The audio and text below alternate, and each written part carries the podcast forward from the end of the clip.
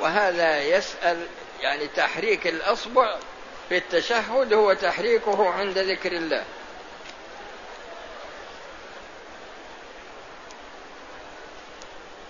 هل يجوز للمرأة المحرمة أن تكشف وجهها وكفيها إذا كانت عند النساء أو كانت مفردة؟ أو كانت عند محارمها. في هذه المواضع الثلاثة يجب عليها أن تكشف وجهها. أما إذا كانت ترى الرجال الأجانب أو يرونها فواجب عليها أن تغطي وجهها ويديها. امرأة مات زوجها قبل خمس سنوات ثم أرضعت طفلا بعد هذه المدة هل يكون محرما؟ إذا كان إن الرضاع خمس رضعات فأكثر في الحولين ما في مانع نعم.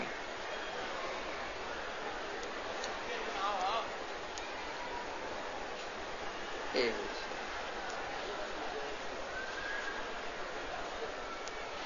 وهذا يقول ما, ما الحكم فيش؟ العمرة بعد أن أعتمر حقيقة يعني بعض الناس ما يحسن السؤال لكن إذا كان قصده تكرار العمرة فقد أجبت عنها. أنا موظف في أحد المؤسسات الحكومية وفي هذه المؤسسة نرى أدري وش هذه إسكان. وعندما أردت أخذ شراء القرض لشراء بيت عرضت القرض على أحد المشايخ في بلدي والذي يشهد لهم بالعلم.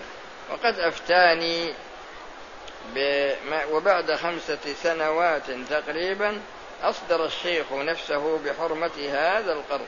إذا كنت اقترضت بفائدة فما في أحد من أهل العلم المعتبرين يبي يجيبك على أن هذا القرض حياة حلال مثل الآن عمل البنوك. البنوك الآن تقرض بفوائد ويقولون إنها ترحم المستهلكين لكن المستهلك ما يدري. وأنا أذكر لكم مثال. البنك عندما آتي إليه وأطلب قرض مدته عشرون سنة. أطلب مئة ألف. يأخذ علي في السنة ثمانية في المئة. أنا دفعت له خمسين ألف القسط الأول. بقي الأقساط الباقية. تمت السنة الأولى يضاعف على المبالغ الباقية ثمانية في المئة. جاءت السنة الثانية أعطيت خمسين ألف. بقي لا لا مو بخمسين خمسة آلاف. في الأول خمسة آلاف والثاني المقصود أنه يضاعف الربح كل سنة على ما تبقى. وإذا نظرت عملت يعني عمل حسابي تجد أن قد يأخذ في يعني مجموع الأرباح قد تساوي ثلاثين في المئة أو أربعين في المئة.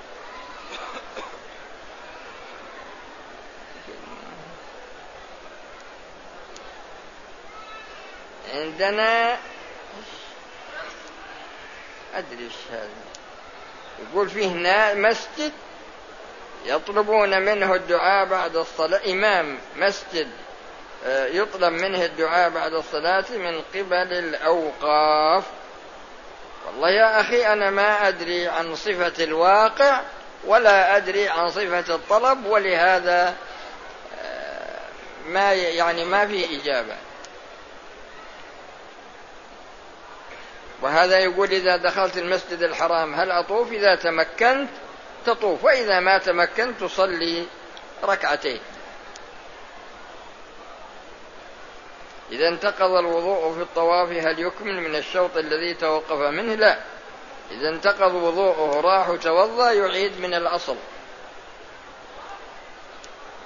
أنا مقيم في أبها دخلت مكة دون إحرام. هل أجلس ثلاثة أيام ثم أذهب إلى التنعيم. لا ما فيه ما في حاجة. ارجع إلى ميقاتك.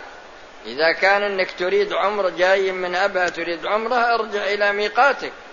وأحرم منه. ما يجوز لك الإحرام من التنعيم. أما إذا كنت جئت لمكة من أجل شغل وما كان في نيتك أنك تعتمر. لكن تيسر لك تيسر لك أمر العمرة فإنك تذهب إلى التنعيم أو إلى عرفة. امرأة حامل. تقول علي إفرازات بشكل مستمر وتوضأت للعشاء وصليتها ثم بدأت طواف العمرة دون أن أتوضأ مرة ثانية فهل يصح الطواف. إذا كانت هذه الإفرازات تخرج فإنها ناقضة للوضوء ولا يصح الطواف.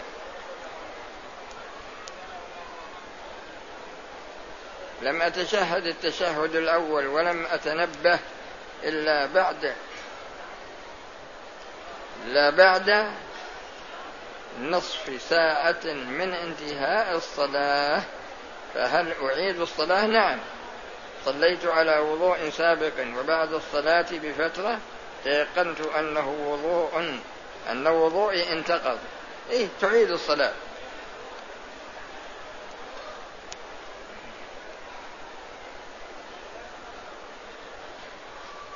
وهذا يقول ما حكم صلاة العشاء؟ وش؟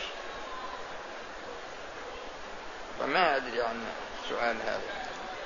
نعم؟ ها؟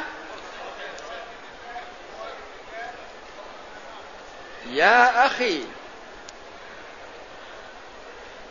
الرسول صلى الله عليه وسلم قال النساء شقائق الرجال. وإذا نظرنا إلى عدد النساء على مستوى العالم وجدنا أنهن أكثر من الرجال. لأن الله أباح للرجل أن يتزوج أربع وأباح له ملك اليمين بدون عدد. وإذا نظرنا إلى قاعدة الشريعة وجدنا أن الأصل في الشريعة العزائم. ولهذا جاءت الرخص في الشريعة عندما يحصل مشقة على الإنسان خارجة عن المعتاد. ومن أسباب الرخص حصول الضرورة لأنه في هذه الحال هل يمكن أن تخرج النساء من الحرام؟ هل يمكن هذا؟ ما يمكن. لا سبح. أنا ما أريد كلام خطابي أبي كلام علم.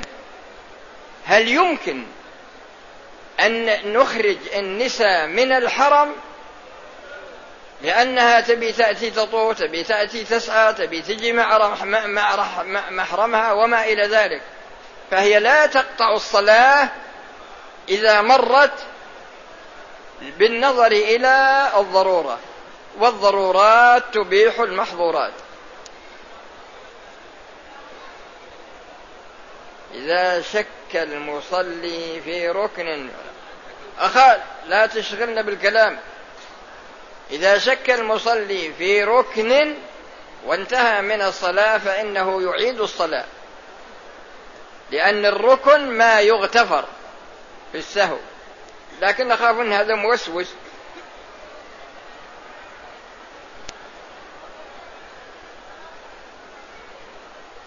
يقول ما الحكم في طواف؟ في طواف؟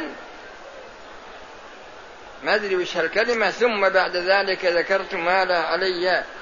هل أحرم وأقص رأسي؟ شوف يا أخي.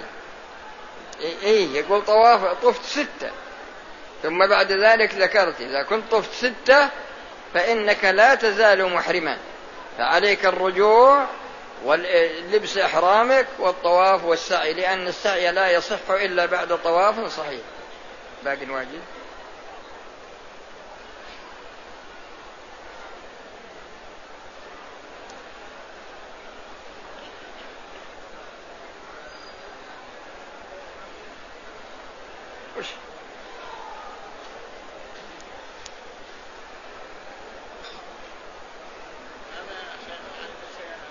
هذا؟ وش فيها؟ وش عليك من حوادث السيارات أنت. أنت ما أنت طول بالك شوي. حوادث السيارات صورها من جهة الواقع من الصعب حصرها. ولا يصلح أن يتكلم على صورة وتنجر إلى جميع الصور. فإذا كان عندك حادث معين تكتبه بورقة ونجاوب عليه. أما إنسان بيقول حوادث السيارات السائقون يختلفون والسيارات تختلف والظروف أيضا تختلف. فالصور يعني يعني صعب حصرها. فما يصلح مثل هذا السؤال. مثل واحد يقول الجن إذا أرادوا أن يتزوجوا من الذي يعقد لهم؟ وش هذا؟ لا. لا يعني القصد أن الإنسان إذا أراد أن يسأل يحرر السؤال ويكون السؤال لائقا لأن في مجلس علم.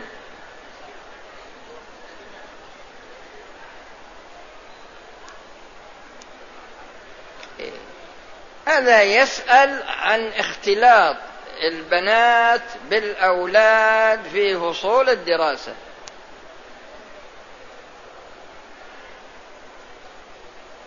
من قواعد الشريعة سد الذرائع يعني قاعدة سد الذرائع. يعني كل ذريعة يحتمل أن توصلك إلى أمر محرم وجب عليك أن تبتعد عنها.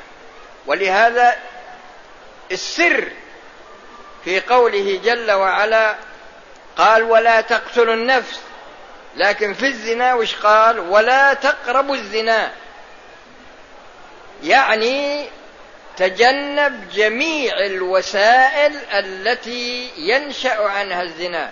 وفي سورة النور قل للمؤمنين يغضوا من أبصارهم لأن هذا وسيلة إلى الزنا.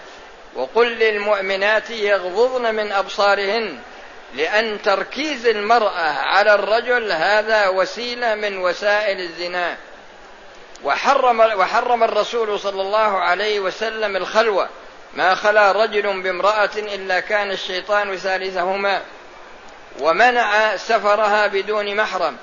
لا يحل لامرأة تؤمن بالله واليوم الآخر أن تسافر مسيرة يوم وليلة إلا ومعها ذو محرم. فأنت إذا جبت شابة عمرها خمسة عشر سنة سبعة عشر سنة وجلستها بجنب شاب فلا شك أن هذه ذريعة محرمة. والإنسان الذي اللي خارج هذه البلاد في البلاد التي يكون فيها التعليم مختلط يمكن أنه يسمع من الحوادث التي تقع بين الشباب وبين الشابات من ناحية فساد الأخلاق.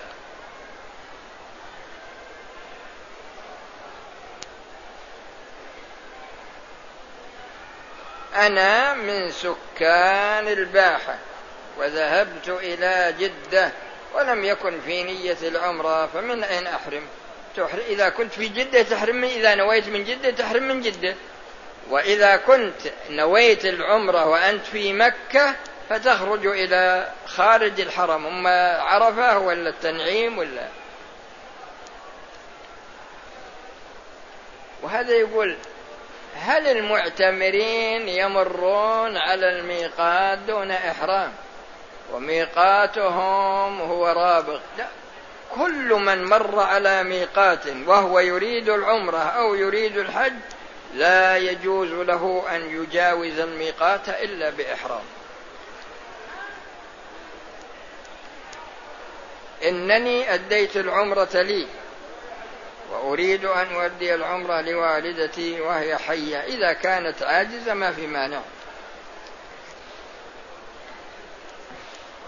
امرأة جاءت من مصر فنزلت في ميناء جدة ثم ذهبت إلى المدينة فجلست يومين ثم أحرمت من أبيار علي ثم ذهبت إلى مكة آه، يومين ثم ذهبت إلى الحرم لأداء العمرة. ما عليها شيء.